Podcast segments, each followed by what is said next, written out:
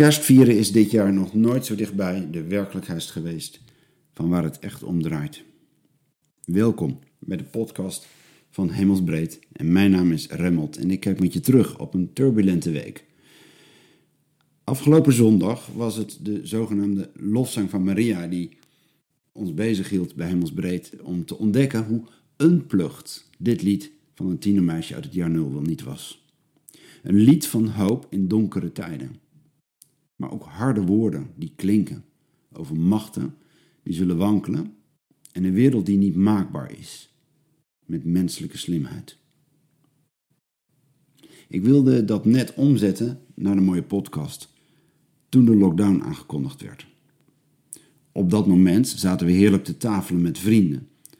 Netjes twee mensen op anderhalve meter, maar tegelijk zo'n contrast met de boodschap van dichte scholen, winkels en zoveel mogelijk thuis blijven.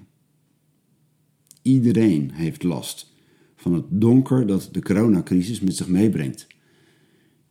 Niet eerder hebben we volgens mij zo massaal gevoeld hoe heftig het is om met continue onzekerheid en beperking te moeten leven. Naast dat lied van Maria kwamen er toen andere woorden bij me naar boven. Woorden van de oude profeet Jezaja.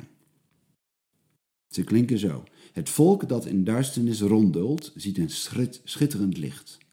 Zij die in het donker wonen, worden door een helder licht beschenen. Een kind is ons geboren, een zoon is ons gegeven. De heerschappij rust op zijn schouders.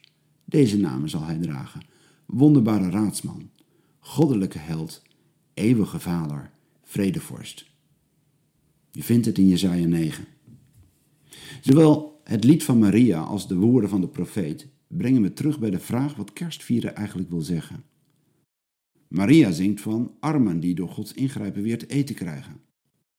De geboorte van het kind van Bethlehem zet de wereld op zijn kop. Revolutie door de geboorte van een baby. Grote machten wankelen en zijn niet de pilaren van hoop waar we het van moeten hebben. Hoop is hier klein en kwetsbaar. Een baby.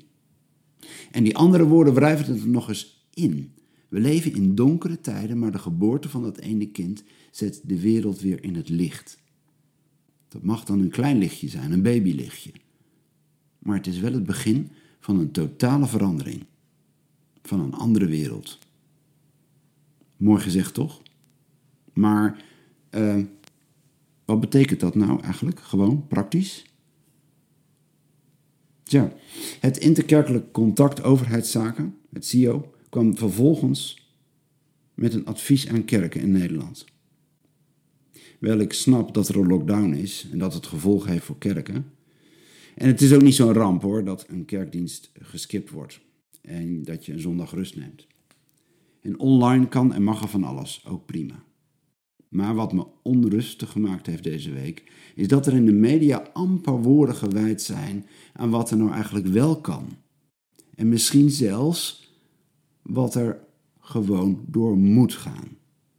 Het raakt me dat we uitgerekend met de grote christelijke feestdagen steeds een lockdown hebben. Hoe dat zit, weet ik niet, maar ik weet wel dat er een uitdaging ligt voor iedereen die ook maar een spatje geloof heeft in het christelijke verhaal van hoop.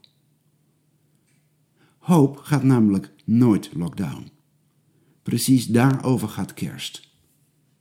Dit jaar krijgen we de ultieme kans kerst meer dan ooit unplugged, onopgesmukt te vieren. Niet alleen met je eigen kringetje. Er kan zoveel wel namelijk. Ook als je de regels van de overheid respecteert. Je mag twee mensen van een ander huishouden per dag ontvangen in je huis. Tel uit je winst. In zeven dagen zijn dat veertien mensen. Dat is de komende vijf weken nog heel wat. En als je dat iets te veel van het goede vindt, genoeg mogelijk dus om een handvol mensen per week te zien, te spreken en liefde te geven. Gelukkig lees ik ook van een buurtkerk aan de andere kant van Amsterdam waar kinderen wel welkom blijven de komende weken. Dat klinkt al heel anders dan dat advies van het CIO. En dan even zonder ouders. En dat de inloop open blijft. Niet voor platte gezelligheid, maar wel voor iedereen die alleen is.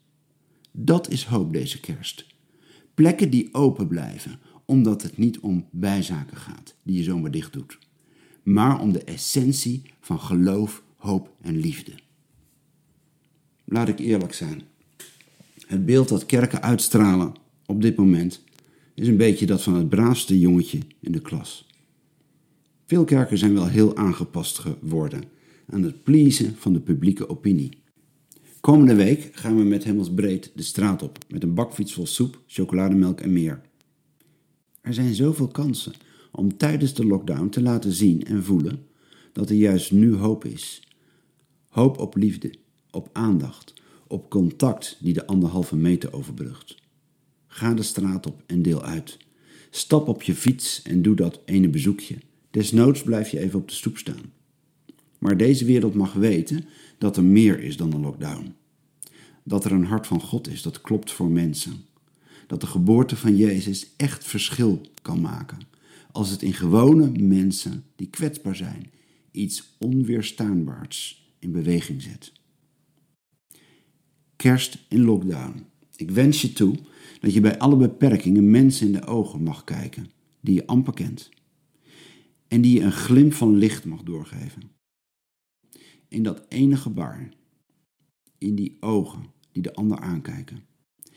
In dat kleine presentje dat de eenzaamheid doorbreekt. Daar is hoop. De geboorte van Jezus wil zeggen: hoop gaat nooit meer lockdown.